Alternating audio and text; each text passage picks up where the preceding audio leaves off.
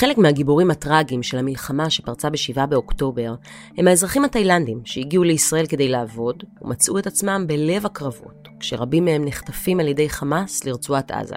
שוחררו אתמול בתיווך איראני עוד עשרה אזרחים תאילנדים, ובהם אישה אחת, נטאווארי מונקן, בת 35, שעבדה בחמש השנים האחרונות בענף החקלאות בקיבוץ בארי. למרות האירועים הקשים, מתברר שגם בימים אלו יש תאילנדים שרוצים להגיע לכאן כדי לעבוד. והעובדה הזאת גרמה לנו לנסות להבין את המצב בארץ המוצא שלהם, זו שרבים מאיתנו מכירים כיעד תיירותי מהנה.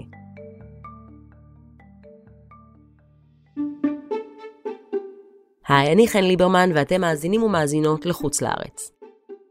בפרק הזה ננסה להבין איך המאבק בין הצהובים לאדומים בתאילנד קשור להגעת הפועלים לישראל, מה הקשר בין הסרט הקלאסי, המלך ואני, לבין השליטה הצבאית שמעצבת את הפוליטיקה והכלכלה בתאילנד, ומה הקשר לפירר מבנקוק ולמלחמתו לצד היטלר ויפן.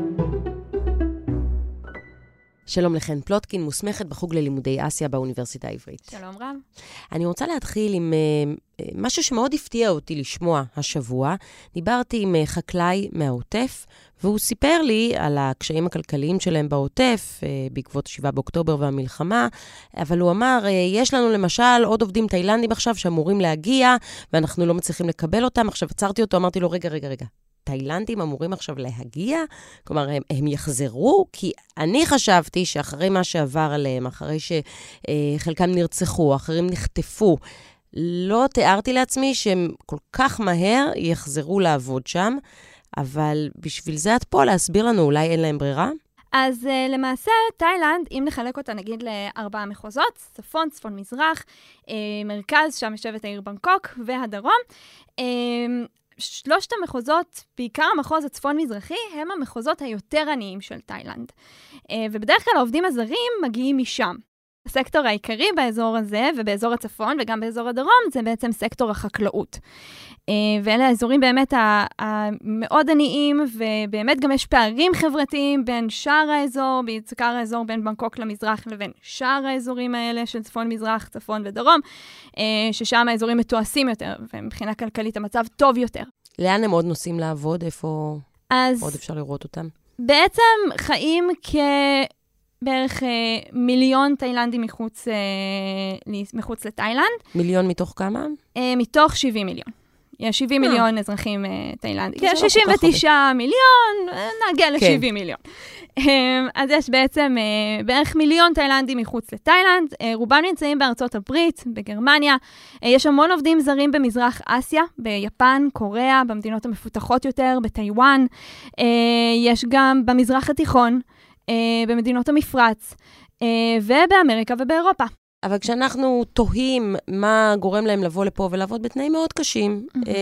אז בעצם אנחנו צריכים להבין שזו אלטרנטיבה יותר טובה כן. ממה שיש להם בבית. ההכנסות שמקבלים בעצם באותן מדינות, באותן מדינות שהם מהגרים אליהם לצורכי עבודה, ההכנסות יותר גבוהות מאשר ההכנסות המקומיות בתוך תאילנד. אה, והתנאים יותר, נכון, העבודה קשה, אבל התנאים יותר טובים, והאמת גם, ה, ה, בעצם ההכנסות מאותה מקום, מה, מאותן הגירות בעצם לצורכי העבודה, מהוות בערך כ-2% מהתוצר הלאומי של אה, תאילנד. וזה מצליח לייצר איזושהי מוביליות חברתית מבחינתם? אני מנסה להבין אם זה רק הישרדותי, או שהם יכולים גם להתפתח מזה שהם יוצאים, עובדים בחו"ל. אני מניחה שכן, כי בסופו של דבר ההכנסות שהם מקבלים פה הן יותר גבוהות. ואני מניחה ש... אני יכולה לשער ש... שהכסף שנשלח הביתה, שהוא כסף יחסית משכורת יותר טובה מאשר מה שהם מקבלים. והם יכולים לשלוח את הילדים שלהם לבתי ספר יותר טובים, וכן ליצור איזושהי מוביליות חברתית בסופו של דבר.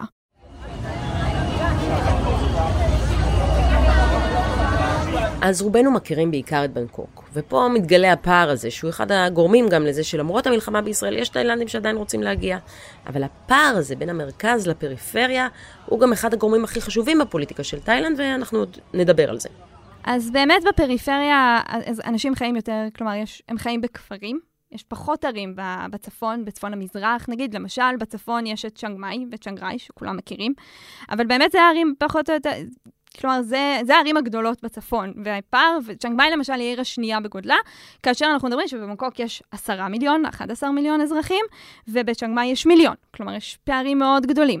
האוכלוסיות חיות בכפרים, בכפרים יחסית מסורתיים. רק 50% מתושבי תאילנד חיים בעצם בערים, למרות שבשנות ה-90 היו יותר אנשים, היה יותר איור, יותר אנשים שמהגרים. אבל uh, חיים יותר בכפרים מסורתיים, בחקלאות מסורתית. פחות, uh, ברמת חיים יותר נמוכה בקצוות, בין אם זה גם בדרום, בצפון, בצפון-מזרח. Uh, לעומת אזורים, שוב, כמו המרכז או מזרח, שעכשיו מנסים להקים שם אזורים כלכליים כדי למשוך השקעות מבחוץ, ששם באמת רואים יותר uh, גורדי שחקים, יותר רמת חיים יותר גבוהה, מערכת חינוך טובה יותר, מערכת בריאות טובה יותר, ובגלל זה זה גם בא לידי ביטוי גם מבחינה פוליטית.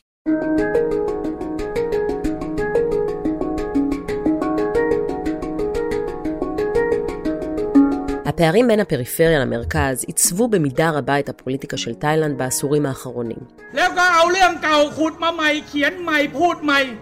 בשנת 2001 נבחר לראשות הממשלה טקסין שינוואטרה, איש עסקים עשיר מאוד, שעמד בראש מפלגה פופוליסטית, שנשענה על קולות הפריפריה, החוואים ואנשי עסקים קטנים שנקלעו לחובות במשבר הכלכלי. שינוואטרה גמל לבוחריו על ידי רפורמה בביטוח הבריאות הממלכתי, תמיכה כלכלית באזורים הכפריים ושמיטת חובות לחקלאים. אלא שבזמן כהונתו הועלו נגדו האשמות קשות בשחיתות, ופרסומים בתקשורת טענו כי גם כראש ממשלה הוא המשיך לגרוף מיליונים מעסקיו.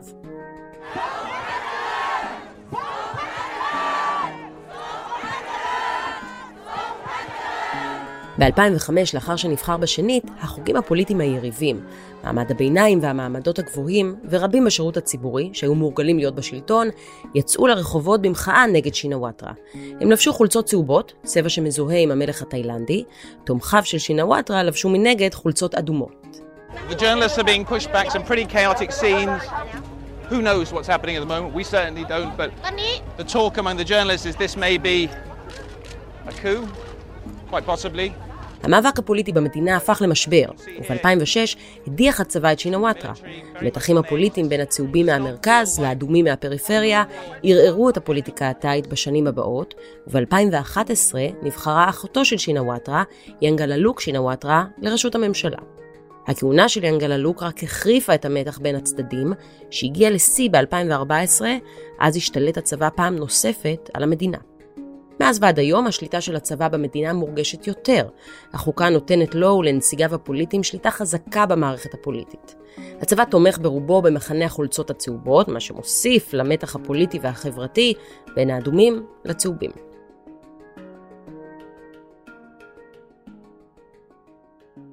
אז זה הזמן לדבר על הצבא ועל המעורבות שלו בפוליטיקה והאחריות שלו למצב של המדינה, כי יש לזה היסטוריה מאוד ארוכה, שעוד נגיע אליה, אבל בעצם מ-2014 הדבר הזה מאוד מאוד מורגש, ותאילנד, אפשר לומר, היא דמוקרטיה צבאית. כן, ב-2017 ניסחו חוקה חדשה. אה, כמובן שכשיוצרים את הדמוקרטיה הזו, אז גם הופכים אותה למאוד נוחה לצבא, שהצבא עדיין ישמר את עמדות הכוח שלו. נגיד למשל, אה, במערכת בחירות, בעצם הפרלמנט התאי מורכב משני בתים, סנאט בית עליון ובית תחתון, כאשר הבית התחתון נבחר, והבית העליון ממונה על ידי ועדה שקוראים לה national council of אה, peace and order, שזה בעצם ועדה של החונטה. זה בעצם אה, מי שבעצם ממנה, מי שאחראי, מי שנמצא שם זה אנשי צבא. ולמעשה, ה-250... אני חושבת שהם אנשי, אני חושבת שכן, הם אנשי צבא. עם מדים. אה, והם בסופו של דבר, בסופו של דבר, גם אם הם עם מדים או בלי מדים, זה אנשי הצבא. אה, והם בעצם ממנים את ה-250. זאת אומרת, והרי בעצם כדי להשיג, להיות ראש ממשלה, אתה צריך להשיג רוב של 376 אנשים, כלומר, גם מהבית התחתון וגם מהבית העליון. אז זאת אומרת שמישהו מתמודד דמוקרטי יותר, או שהוא לא במסגרת הצבא, אה, צריך למעשה, בעצם כבר יש לו חיסרון, כי רוב הבית העליון, ב-90% ממנו, בעצם כל הבית העליון כמעט, הוא מלא באנשי צבא, שדואגים לאינטרסים של מפלגות הצבא ושל הצבא עצמו. אז הצבא הוא שחקן מאוד דומיננטי, את זה הבנו, אבל זה לא רק בכפייה, הוא גם זוכה להרבה תמיכה. הצבא גם מאוד חזק, גם כי הוא נתפס בסופו של דבר כמגן המלוכה, הטייט. זה נותן לו איזושהי גושפנקה, הרי המלך הוא בסופו של דבר קונצנזוס, גם בפורוורד, שהם מדברים בסופו של דבר על, מילה, על למג'סטילו, הם לא מדברים על לבטל את למג'סטילו, הם לא מדברים על להפיל את המלך, אלא, אלא הם מדברים על לשנות אותו, כדי לתת, בעצם לאפשר חופש ביטוי יותר גדול לאזרחים. אה, מעבר לזה שגם יש הרבה אנשים שרואים בצבא שתומכים בסופו של דבר במפלגות של הצבא, פלנג פרצ'רט ו-National Unity של אה, פריות. כלומר, את אומרת, יש תמיכה ציבורית יש גם. יש גם תמיכה זה ציבורית. זה לא, אוקיי. נכון, של השמרנים יותר. אה, והם כן אה, רואים, יש אנשים, יש אנשים שבאמת תופסים את הצבא כמשהו שיותר טהור ומגן המלך. ולצבא יש גם כוח מבחינה כלכלית. קודם כל, הוא משתף פעולה באלפ... אחרי ההפיכה של 2014. Uh, הצבא בין היתר הכניס לאותם uh, ועדות, גורמי כוח, גופים מסוימים, גם כל מיני קונגלומרטים שראו, ב, ש, שראו איזושהי הזדמנות uh, לעשות רווח כלכלי ולנצל בעצם לעבוד בשיתוף פעולה עם, ה, עם הצבא, כמו למשל יש קונגלומרט שקוראים לו CP, שהוא גם הבעלים של הסניפים בטאלנט של uh, 7-11, שגם עובדים, בש, שעובדים בשיתוף פעולה עם הצבא. צבא תאילנד מונה לפי הערכות כ-350 אלף חיילים ועוד 200 אלף חיילי מילואים. במדינה קיים גיוס חובה לצעירים, אף שהצבא שקל בשנה שעברה לבטל אותו בשל התנדבות גבוהה לשירות. השנה הודיע הצבא על הכוונה לקצץ בחצי את כמות הקצינים, הודעה שנועדה כנראה למנוע רפורמות שהובטחו לציבור. הצבא התאי מעורב מאוד בכלכלת המדינה. הוא ואנשיו קשורים בעסקים שונים, והבנק הצבאי של תאילנד מחזיק נכסים בשווי 25 מיליארד דולר. במשך השנים העניק הבנק הלוואות לעסקים של אנשי צבא ולחברות קש של אנשי צבא, שבאמצעותן הסיטו כספים לשימוש פרטי והסתירו את ההוצאות מהציבור. למרות שכלכלת תאילנד נפגעה מאוד בתקופת הקורונה, בעשורים האחרונים הייתה בצמיחה כלכלית גבוהה, יחד עם זאת, הצמיחה התאפיינה בחוסר שוויון, שהוא הגבוה ביותר בין מדינות מזרח אסיה. כ-80% מעניי תאילנד חיים באזורים הכפריים, שבהם תנאי המחיה נחותים משמעותית בהשוואה למרכז. אז כדי להבין יותר טוב איך התעצבו יחסי הכוחות במדינה ואיך הצבא של תאילנד הפך לכל כך משמעותי בפוליטיקה שלה, אנחנו חייבות לחזור אחורה ל-1932. אז אה, צריך להבין שתאילנד היא בעצם עד 32 הייתה מלוכה אבסולוטית. כלומר, המלך בראש, הוא מקבל את ההחלטות, כל מי שיושב סביבו הם אנשי אצולה, כנ"ל לגבי בירוקרטיה, כנ"ל לגבי צבא. מי שכרגע השושלת הנוכחית קוראים לה שושלת צ'קרי. והיא בעצם נוסדה ב-1782, אה, סיפור מעניין. המלך הראשון, בעצם הכינוי של המלך זה רמות, אז אה, לשמען הסדר הטוב נגיד רמות. אז, רמות, אה, אין בעיה. אז רמה הראשון בעצם התנקש במלך הקודם, ותפס את השלטון, והקים בעצם את שושלת אה, צ'קרי, ששולטת עד היום. Uh, ואז מה שקורה, נעשה קצת רקע ל-32, uh, תאילנד ב-1850 מתחילה לעבור הליך מודרניזציה. מי שמכיר את הסיפור המלך ואני, אז רמה הרביעי הוא זה שהתחיל את התהליך, אותו דמות מפורסמת מהמלך ואני. A woman is a female who is human.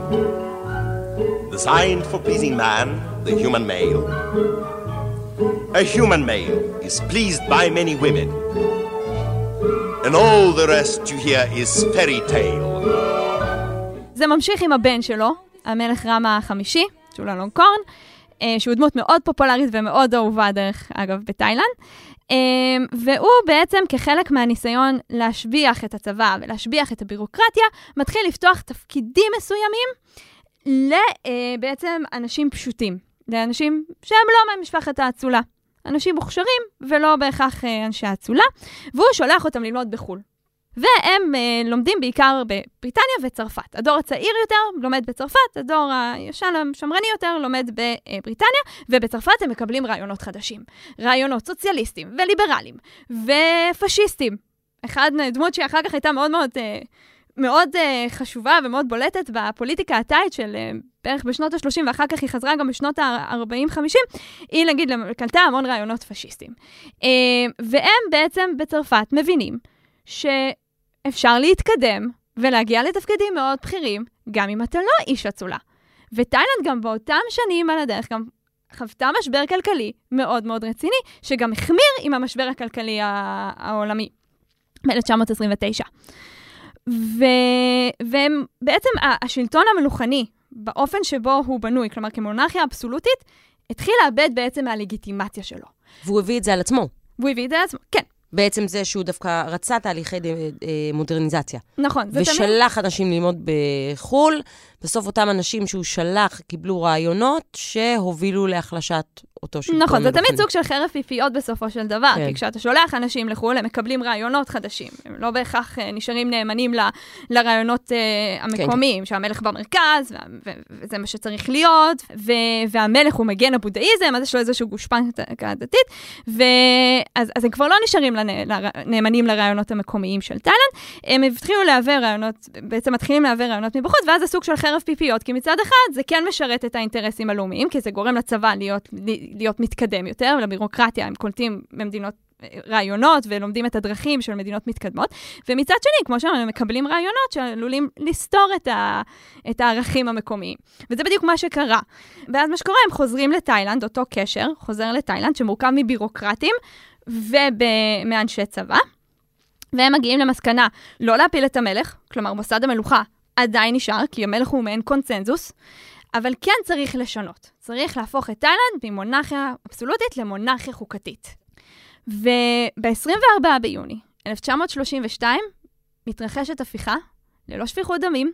המלך באותו זמן לא היה בבנקוק, ושלחו מברק למלך, או שאתה איתנו, או שמחליפים אותך. לא, לא מבטלים את מוסד המלוכה, אבל מחליפים אותך. Uh, המלך שדי היה חלש, קיבל את ההצעה, נקרא לזה כך, ותאילנד הפכה למונרכיה, uh, בעצם ממונרכיה אבסולוטית למונרכיה חוקתית, ומי ששולט באותה תקופה זה באמת מפ... אותה, אותו קשר שנוצר בפריז, שקוראים לו מפלגת העם, People's Party. והם הופכים להיות בעצם השחקנים הדומיננטיים בפוליטיקה התאית לאורך שנות ה-30 עד סוף מלחמת uh, העולם השנייה.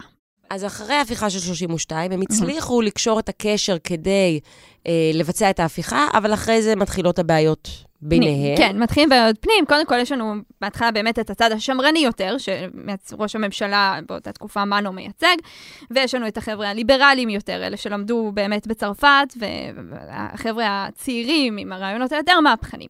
אז מי בסוף ואז- בין הצדדים האלה מנצח? אז בסוף מה שקורה, אה, מנו מנסה להחזיר כמה שיותר, הסמכו, כמה שיותר סמכויות לאצולה, ואז אה, שני גנרלים, פהון ופיבון, עושים מעין הפיכה קטנה יותר, מצליחים להדיח את מנו, ופהון הופך להיות בעצם ראש ממשלה. שנה אחת לאחר מכן, אה, בן דודו של המלך דאז, רמה השביעי, הוא מנסה לעשות הפיכת נגד, שלא צולחת, כדי להחזיר את המלוכה, להחזיר את תאילנד להיות מונרכיה אבסולוטית. הגנרל השני שעשה את ההפיכה, שקוראים לו פיבון, שבעצם הדיח את ראש הממשלה הראשון, ממנים אותו לדכא את המרד, הוא מצליח, ובאמת מה שקורה, הסכסוך הפנימי הופך מאנשים שהם יותר רויאליסטים, יותר שמרנים, לבין האנשים שלמדו באירופה, אנשי הקשר, מפלגת העם, מתחילים סכסוכים פנימיים בתוך מפלגת העם. בערך שנות ה-30. אה, אנחנו מדברים פה בעצם, בתוך מפלגת העם יש לנו שני זרמים, זרם צבאי, שהוא תחת פיבון, וזרם אזרחי, שהוא תחת פרידי, אותו אחד שניסח, אה, בעצם היה אחד מהאנשים שניסחו את החוקה, שהוא היה יותר סוציאליסט וליברל. אה, הם מתכתשים ביניהם בשנות ה-30, ובסופו של דבר, ב-1938 יש בחירות, ומי שזוכה זה פיבון, האיש צבא. ואז תאילנד נכנסת לעידן חדש, מ-38 עד 1944, נכנסת לעידן שהוא יותר פשיסטי ויותר מיליטנטי. כי ביבון בצרפת ספג רעיונות פשיסטיים. זו בדיוק הייתה התקופה, שנות ה-20, התקופה של מוסוליני, אה, ו- והוא גם מאוד העריץ את נפוליאון, אז אה, הוא חזר משם פשיסטית, בעוד שחלק מהחבר'ה חזרו ליברליים, הוא חזר פשיסט יותר, והוא מתחיל להנהיג רפורמות פשיסטיות, שזה רפורמות תרבותיות, שמעכשיו אה, מטרה לקדם את תאילנד להיות מדינה מערבית ומתפתחת ומתקדמת. אז נגיד אסור היה ללבוש בגדים אה, מסורתיים, למשל, כדי להפוך את תאילנד למדינה מתקדמת. פה התחיל גם השימוש במזלג ו- וכף, ולא...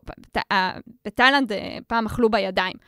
ואז הוא הכניס חוק שמעכשיו חייב לאכול כמו, כמו אנשים מתורבתים. אה, ולמי שלרגע חשב, לא אוכלים שם עם מקלות. לא, אוכלים רק מאכלים עם נודלס ומקלות. אה, אז כן אוכלים מאכלים כן. עם נודלס במקלות. אה, בתאילנד יש 10% מהאוכלוסייה הם סינים. אז הם הביאו איתם השפעות תרבותיות, אוקיי. בין היתר.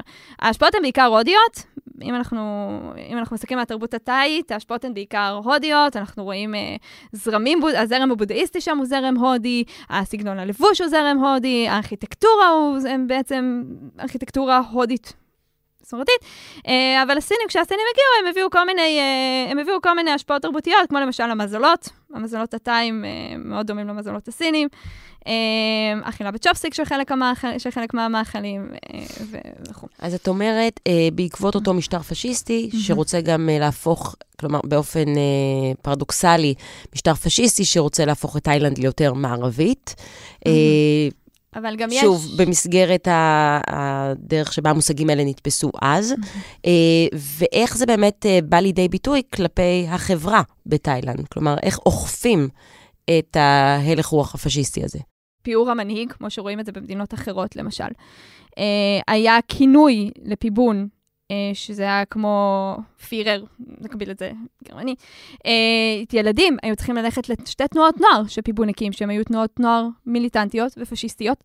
אה, הייתה תנועת נוער לבנים, הייתה תנועת נוער לבנות, ובאמת גם היה חופש ביטוי מאוד מאוד הוגבל, עיתונות. עכשיו, משטרים צבאיים אוהבים גם לחזור לימים היפים של המדינה, של הממלכה, ובסוף המאה ה-19, תאילנד שלטה על שטחים שהיום הם שייכים ללאוס וקמבודיה. לאוס וקמבודיה גם היו במשך תקופות ארוכות, היו מעין מדינות חסות. תאילנד גם הייתה לה המון השפעה על uh, חלקים שהם היום מלזיה, שהם היו הרי מדינות מלאיות בעצם. ו, ומה שקורה בעצם כש, כשהאירופאים מתחילים להגיע ב, ב, ב, בתחילת המאה ה-19, עד סוף המאה ה-19, הם, הם משתלטים על אותם שטחים.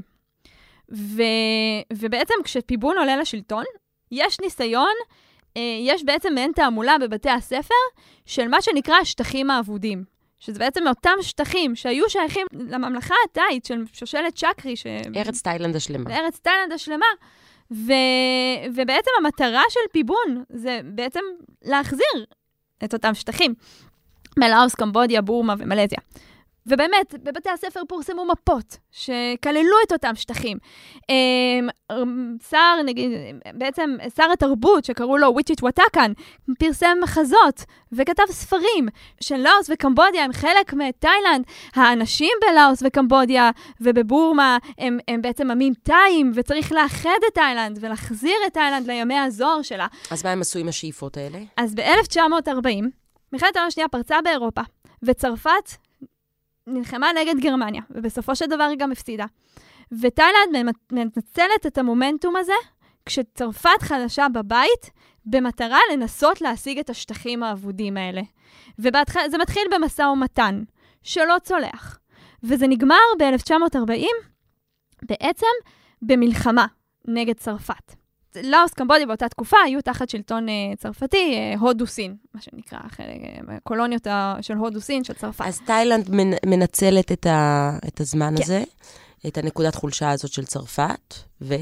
לתאילנד יש הישגים במלחמה, אבל היא מתעייפת. קצת לפני המלחמה, תאילנד מנסה להגיע להסדרים מול בריטניה, מול ארה"ב, מול צרפת, כדי להשיג את השטחים. כשהיא לא מצליחה, היא פונה לחברה חדשה. מעצמה עולה באזור, שזו בעצם יפן. Uh, היחסים מתחילים בתחילת שנות ה-30, כשיפן כבשה את מנצ'וריה, וחבר הלאומי בעצם דן על הנסיגה של יפן ממנצ'וריה, אז בעוד שרוב המדינות מצביעות בעד הנסיגה, תאילנד נמנעת. ויפן ראתה בזה כתחילתה של חברות נפלאה. ובערך, באמת, לאורך כל שנות ה-30, יפן ותאילנד מחזקות יחסים, אה, בין אם זה על ידי אירועי תרבות, אה, החלפת שגרירים, שכל אחד מהשגרירים הוא מומחה ואוהב את המדינה השנייה, ואז בסוף היא פונה ליפן, במטרה להשיג את אותם שטחים של האוס וכמובן, והם מגיעים לאיזשהי סוג של הסכמה. באותה תקופה כבר די היה ברור שיפן מתכוונת לפלוש לדרום-מזרח אסיה, אז יפן בעצם אומרת לתאילנד, אנחנו נעזור לכם להשיג את השטחים של לאוס וקמבודיה, בתנאי שאתם תיתנו לנו מעבר כדי אה, לצאת, בעצם כדי להילחם נגד uh, הבריטים באזור בורמה. תאילנד הסכימה, המלחמה נגמרה בתיווך יפני, ותאילנד מצליחה להשיג את אותם שטחים שהיא רצה, לא את כל לאוס וקמבודיה, אבל את אותם השטחים המערביים של אותם, של לאוס וקמבודיה. On December 7, 1941, Japan, like its infamous Axis partners, struck first and declared war afterwards. ואז אנחנו מגיעים לפרל הרבור, יפן תוקפת את ארצות הברית, מתחילה את הפלישות, את הפלישות במזרח, ושלום תאילנד, הגיע הזמן להחזיר חובות. פיבול מנסה למשוך, אומר, תקשיבו, אנחנו מדינות ידידותיות, אנחנו רוצים להיות ניטרלים. זה במטרה באמת כדי לשמר את הריבונות ואת העצמאות של תאילנד, כי תאילנד בכל זאת מדינה שלא נכבשה על ידי אף מעצמה קולוניאליסטית, נכון. אה, שזה משהו מאוד חריג בדרום-מזרח אסיה.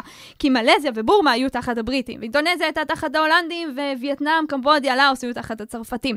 ותאילנד היא באמת המדינה היחידה שלא נכבשה, נובע משתי סיבות, אחת באמת... אה, קודם כל, צרפת ובריטניה, שהם בערך היו באותה תקופה, הן היו שתי האימפריות הגדולות. קולוניאליסטיות הגדולות, הגדולות, כן. הן רצו להימנע ממלחמה, והם, והיו כל מיני, בכל מיני מקומות בעולם היו נקודות חיכוך ביניהן. וב, ובדרום מזרח אסיה זה באמת הייתה בעצם תאילנד, כי הבריטים כבשו את uh, בורמה, הם כבשו את uh, הודו-סין, ואז הם הגיעו לאיזושהי הסכמה שיש uh, איזה מעין buffer zone, שאליו לא מתקרבים, שזה רכס ההרים שמפריד בין בורמה לתאילנד, ונהר המקונג, שהוא מפריד בין לאוס, קמבודיה לתאילנד, שזה בסופו של דבר ה buffer אזור זה תאילנד. כלומר, זה לא בגלל uh, הצבא של המלך ו- ושום דבר כזה, זה פשוט uh, הגיאוגרפיה שהצילה את תאילנד. נכון. בסופו של דבר זה גיאוגרפיה והרצון להימנע ממלחמה בין שתי כן. אימפריות. Uh, כן אפשר להגיד שלהחלטה להעביר את תאילנד להליך מודרניז... מודרניזציה על ידי רמה הרביעי ורמה החמישי, היא גם סוג של שיאה, כי זה... הם הבינו שאם הם ינסו, לי, שאם הם יתמערבו, אז זה uh, יכול למנוע בעצם איזשהו, איזשהו כיבוש, פלישה. פלישה. אוקיי, אז נחזור רגע מהר למלחמת העולם השנייה, יפן ותאילנד. אז זהו, אז uh, ת, יפן באה, אומרת צריך להחזיר, uh, הגיע הזמן להחזיר חובות. Uh, פיבון אומר, בואו, תקשיבו, אנחנו מדינות ידידותיות, אם אתם תעברו, אז תעברו דרך הדרום, אל תעברו דרך האזור המרכז ובנקוק. Uh, יפן נותנת אולטימטום של יומיים, פיבון מחליט לברוח מבנקוק. אמ, הגורמים התאילנדים לא כל כך uh, יודעים מה לענות. פג תוקף זמן האולטימטום, ויפן נכנסת, uh, ויש בעצם מאבקים בין יפן uh, בגבול, בין יפן לתאילנד. ובסופו של דבר מה שקורה, טיבון מורה לחיילים להיכנע, כלומר, להפסיק את הלחימה, והוא מאפשר גישה uh, ליפנים uh, להיכנס בעצם לתאילנד, ואז פיבון, רואה, עובר קצת זמן, רואים שגרמניה, יש הישגים לגרמניה וליפן בשטח, ופיבון מחליט לנצל את זה כדי להשיג עוד שטחים ועוד הישגים. והוא שולח במזרח ובדרום, כלומר לבורמה ובמלזיה, הוא שולח כוחות שישתתפו בלחימה. העניין הוא ש-1942, שנת 1942 מגיעה, יש היפוך, יפן מפסידה במידווי, אה, גרמניה מפסידה ברוסיה. ובסופו של דבר, פיבון מבין שהמצב התהפך. שהוא הימר ו... על הצד הלא נכון. שהוא הימר על הצד הלא נכון, בדיוק, ומנסה כמה שיותר להימנע ממעורבות אה, מעבר למה שיש. כמה זמן נמשך שלטון פיבון? עד 1944. ב-1944, אה, הוא ניסה, פשוט התחילו, בעצם בעלות הברית התחילו להפציץ את, אה, את העיר בנקוק. והוא גם זכה להתנגדות פנימית, כי, כי אנשים הבינו שהמלחמה הזאת, חוץ מנזק, היא לא מובילה לשום מקום. אבל למרות שהשלטון שלו היה פשיסטי, עדיין ההתנגדות מבפנים, ההתנגדות, זו הייתה התנגדות מבפנים של אה, המערכת הפוליטית או של העם התאילנדי? של המערכת הפוליטית, בעיקר. אז מה שאני מנסה להבין, כלומר, אנחנו רואים את השנים הראשונות אחרי ההפיכה, אה, שהכל שם, אה, חילופי השלטון, הם בגלל אה, אותם תככים בין הפוליטיקאים השונים, בין המנהיגים, שמפילים אחד את השני. מתי לעם התאילנדי מתחיל להיות איזשהו כוח להשפיע על גורלו? בשנות ה-80 ובשנות ה-90 בעיקר. כי מה שקורה, אם נקפוץ רגע כמה שנים, כמה עשורים קדימה. כן. Uh, קודם כל, גם אחרי, נגמרה מלחמת העולם השנייה, אנחנו מתחילים פתאום, אנחנו מגיעים למלחמה הקרה, ארה"ב תומכת במשטרים שפשוט נגד קומוניסטים, לא משנה, גם אם זה הדיקטטור הכי נורא בעולם, כל כן. עוד הוא אנטי-קומוניסט. הוא חבר ברוך במועדון, ברוך כן. הבא. Um, ובאמת מתחילים בשנות ה-60 וה-70, מתחילים לזרום כספים אמריקאים, מתחילים לפתח, פתאום יש חברה קצת יותר עירונית, יותר משכילה, הגירה, יהיו, אבל בשנות ה-80, uh, סוף שנות ה-70, 80, 90, יש פריחה כלכלית. אה, תאילנד מכניסה השקעות. אה, השקעות זרות. אה, יפן מככבת פה, יפן, אה, משק...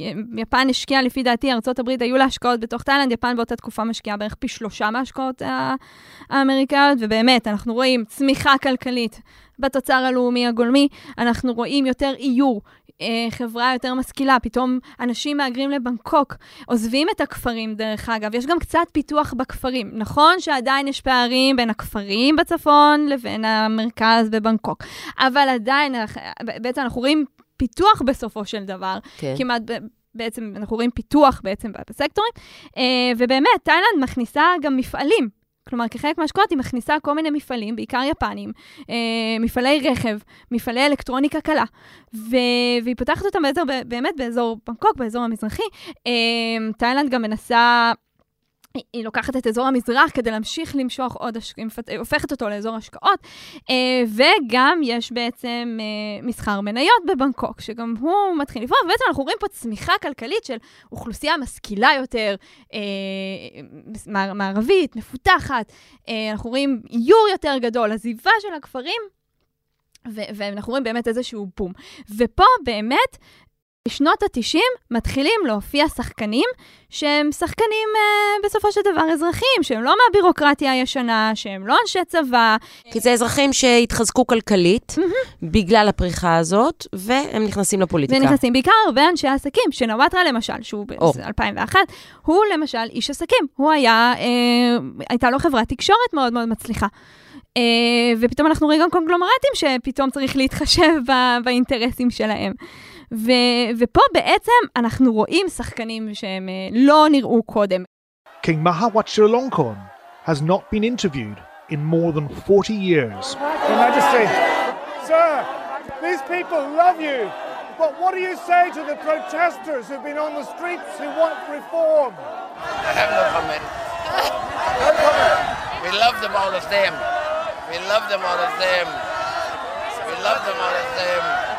אז דיברנו על הפריפריה מול המרכז ועל הצבא, וזה הזמן לדבר על עוד שחקן די משמעותי, המלך. זה עלה לא מעט בהסבר ההיסטורי שלך, והמלך, ובעיקר המלוכה, הם כלי פוליטי בידי הצבא והשמרנים והחולצות הצהובות. והמלך הנוכחי קצת לוקח את זה לקצה, ואם המלך הקודם, פומיפון, נחשב למלך יחסית שמקובל על כולם, ושפועל לקדם גם את הפריפריה החקלאית, אז המלך עכשיו זה סיפור אחר לגמרי. אני אספר משהו, אנקדוטה מצחיקה, ראיתי איזשהו סרטון שכינה אותו הקרדשיאן של משפחת המלוכה התאית. הוא שונה מאבא שלו, מאוד שונה מאבא שלו. אמ, בעוד שאבא שלו היה איזשהו דמות שכן, שוב, אולי לא, לא, לא אהבה מפלגות מסוימות, אבל הייתה איזשהו קונצנזוס מחבר בסופו של דבר. Uh, המלך הנוכחי רוצה, רצה לקחת uh, יותר סמכויות, נגיד למשל, uh, למלוכה יש נכסים שמנוהלים על ידי uh, איזשהו משרד ממשלתי, והוא דרש, וזה באמת מה שקרה בסוף, שהעבירו את כל הנכסים לשליטה ישירה אליו. Uh, הוא רצה למשל uh, לבטל את ה... כשהמלך טס לחו"ל, אז יש מישהו שהוא מוצב במקומו כדי לחתום, הוא רצה לוותר על זה. כלומר, ש... ש... להעביר אליו יותר סמכויות, המלך הנוכחי. כן. וגם, uh, בוא נגיד את זה ככה, בעוד שפומיפון, המלך הקודם, היה איש משפחה ובודהיסט הדוק, ושהשקיע בפרויקטים, המלך הזה... פחות, הוא נגיד למשל החזיר את הרעיון של, פילגשות, של פילגשים, עד uh, כבר קרוב למאה שנה, עד המלך הנוכחי, ש, שהמלך היה נשוי לאישה אחת, ולא, ולא היו לו uh, פילגשות. ופה במקרה הזה, המלך החזיר את זה. והוא גם החזיר את העניין שאפשר להינשא ליותר מאישה אחת. יכול להיות שההתנהלות של אותו מלך uh, קרדשיאן הזה uh, תביא לאיזושהי תגובת נגד שתערער את הקונצנזוס שנשמר במשך שנים בתאילנד יש, סביב המלך? יש בתאילנד ביקורת, הם לא יכולים ממש להביע באופן פומבי, אבל כן יש ביקורת. יש, אני חושבת שקיימת בסופו של דבר ביקורת כלפי המלך.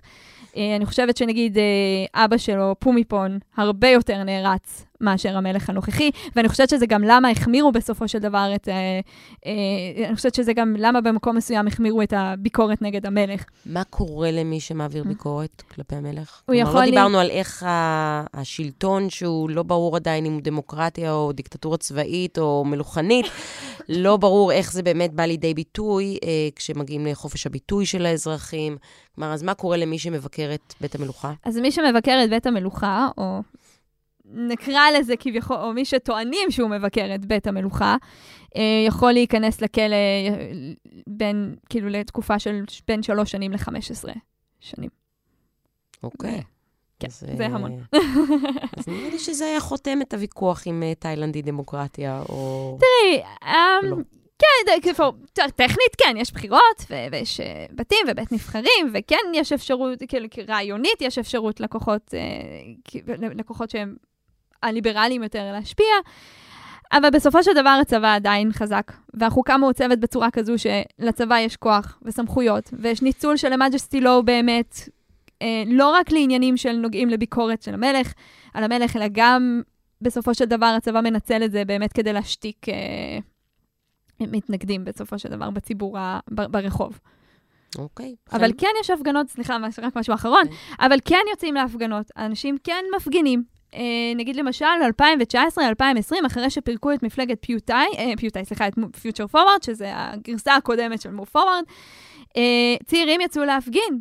היו הפגנות בבנקוק, הם השתמשו אבל לא נגד. המלך. לא, נגד ה... כן, נגד הצבא, אה, בעיקר נגד הצבא, אבל אה, כן יצאו להפגין, וכן היו כל מיני, למשל, קראו להם קאנה רצדון, מפלגת העם, כ- כ- בעצם כדי לחז... מעין איזשהו... אה, רפרנס סמל, ל-32. רפרנס ל-32, והם, דרך- דרך אגב, משהו, אני נזכרת, באמת, בכל שישה, בפעם, ב-24 ביוני, כל ה-24 ביוני, היה יום שמציין את ההפיכה של 32, ברגע שפומי פה נומלך. זהו, בעצם ביטלו את, ה, את היום חג הזה, את יום החג הזה, ו, ובהפגנות שהיו לאחרונה, ב-2019, 2020, ובהפגנות שהיו זה, המפגינים שרצ, ש, ש, שרצו יותר דמוקרטיה, להוציא את הצבא בעצם מהפוליטיקה, הם הגיעו, ל, אה, הם הגיעו ל, ל, לכיכר, אה, כיכר הדמוקרטיה, ו, וציינו את אה, יום המהפכה. האמת שקראתי היום איפשהו שתאי, המילה תאי, בשפה התאית, זה אומר אדם חופשי. נכון. זה, הסיבה לזה, זה באמת אה, במאה, אה, אוקיי, תאילנד לא אוכלסה בראשית, אה, האזור לא אוכלס בימים תאים, הוא דווקא אוכלס ב- בימים אסטרונזיים, אה, באנשי מון, וכל מיני, כלומר, עמים שהם לא תאים. ובאיזושהי נקודה, הת- הרי תאילנדים הגיעו בדרום סין. ו, ואחת, הש... בעצם השושלות הסיניות, והייתה שושלת אחת שאני כבר לא, לא זוכרת את השושלת ביניהם, אבל uh, היא כן uh, uh, דיכאה את העמים התאים. והם ברחו בעצם לדרום-מזרח אסיה, וקראו לעצמם העמים החופשיים. הם עדיין אה, מחפשים את החופש הזה. נכון. חן פלוטקין, תודה רבה לך. תודה רבה לך. Hey. Hey. Oh yeah. עד כאן הפרק הזה של חוץ לארץ. אתם אה, יכולים למצוא אותנו באתר ובאפליקציה של הארץ ובכל מקום שבו אתם מאזינים לפודקאסטים, אם זה באפל או בספוטיפיי. אתם גם מוזמנים לדרג אותנו, כי זה עוזר לנו להגיע לעוד אנשים. תודה רבה לאסף פרידמן, אמיר פקטור, אברי רוזנצבי ורועי סמיוני. אני חן ליברמן, ואנחנו נשתמע בשבוע הבא. into my eyes สาบานให้ตายตายตาย ฉันฝันว่าหมดแล้ว ฉันนี่โคตรจะสุดแล้วแต่ตอนนี้อยากจะหยุดแล้วไม่อยากมันวุ่นวาย เมื่อก่อนเจ้าชู้วันนี้ยอมแต่เลิกหมดแล้วตอนนี้พร้อมแค่เธอได้ไหมฉันขอร้องให้เธอเป็นคนพาเขานอนตอก่อนนี้ญาติเขายังระอาพี่เลย นาฬิกาบอกสิบโมงเช้ายังอยู่ในปาร์ตี้เลย แต่เจอเธอแล้วปัจจุบันไม่เอาแล้วนาที่เคยจากเป็นเสือแล้วอยู่ดีๆพี่กลายเป็นบาร์บี้เลยอู้อู้อู้เคยเป็นผู้ชายที่เกเรกินเหล้าแล้วเมาเลยยังเปเดินไปเจอใครเขาก็บอกว่าพี่รัวการส่วนตัวพี่ในการคาดคะเนแต่ พอเจอเธอแล้วเบบ้พอแล้วไม่อยากจะเดินเซอยากเป็นคนที่เพื่อเดินทางใครสักคนอยากจะกลายมาเป็นคนที่โอเคเคยเป็นผู้ร้ายร้ายร้ายนักเลงหัวไม้ไม้ไม้แต่มาวันนี้สวัสดีพ่อตาสวัสดีครับแม่ยายอย่าเพิ่งร้องวายวายวายผมกลับตัวแล้วรู้ไหมจะขอดูแลลูกสาวแม่จนวันตายตายตายจะอยู่ที่เธอบอกตัวเองให้พอไม่งั้นเธอคงไม่รอคงไม่รอคงไม่รอฉันน่าเป็นคนไม่ดี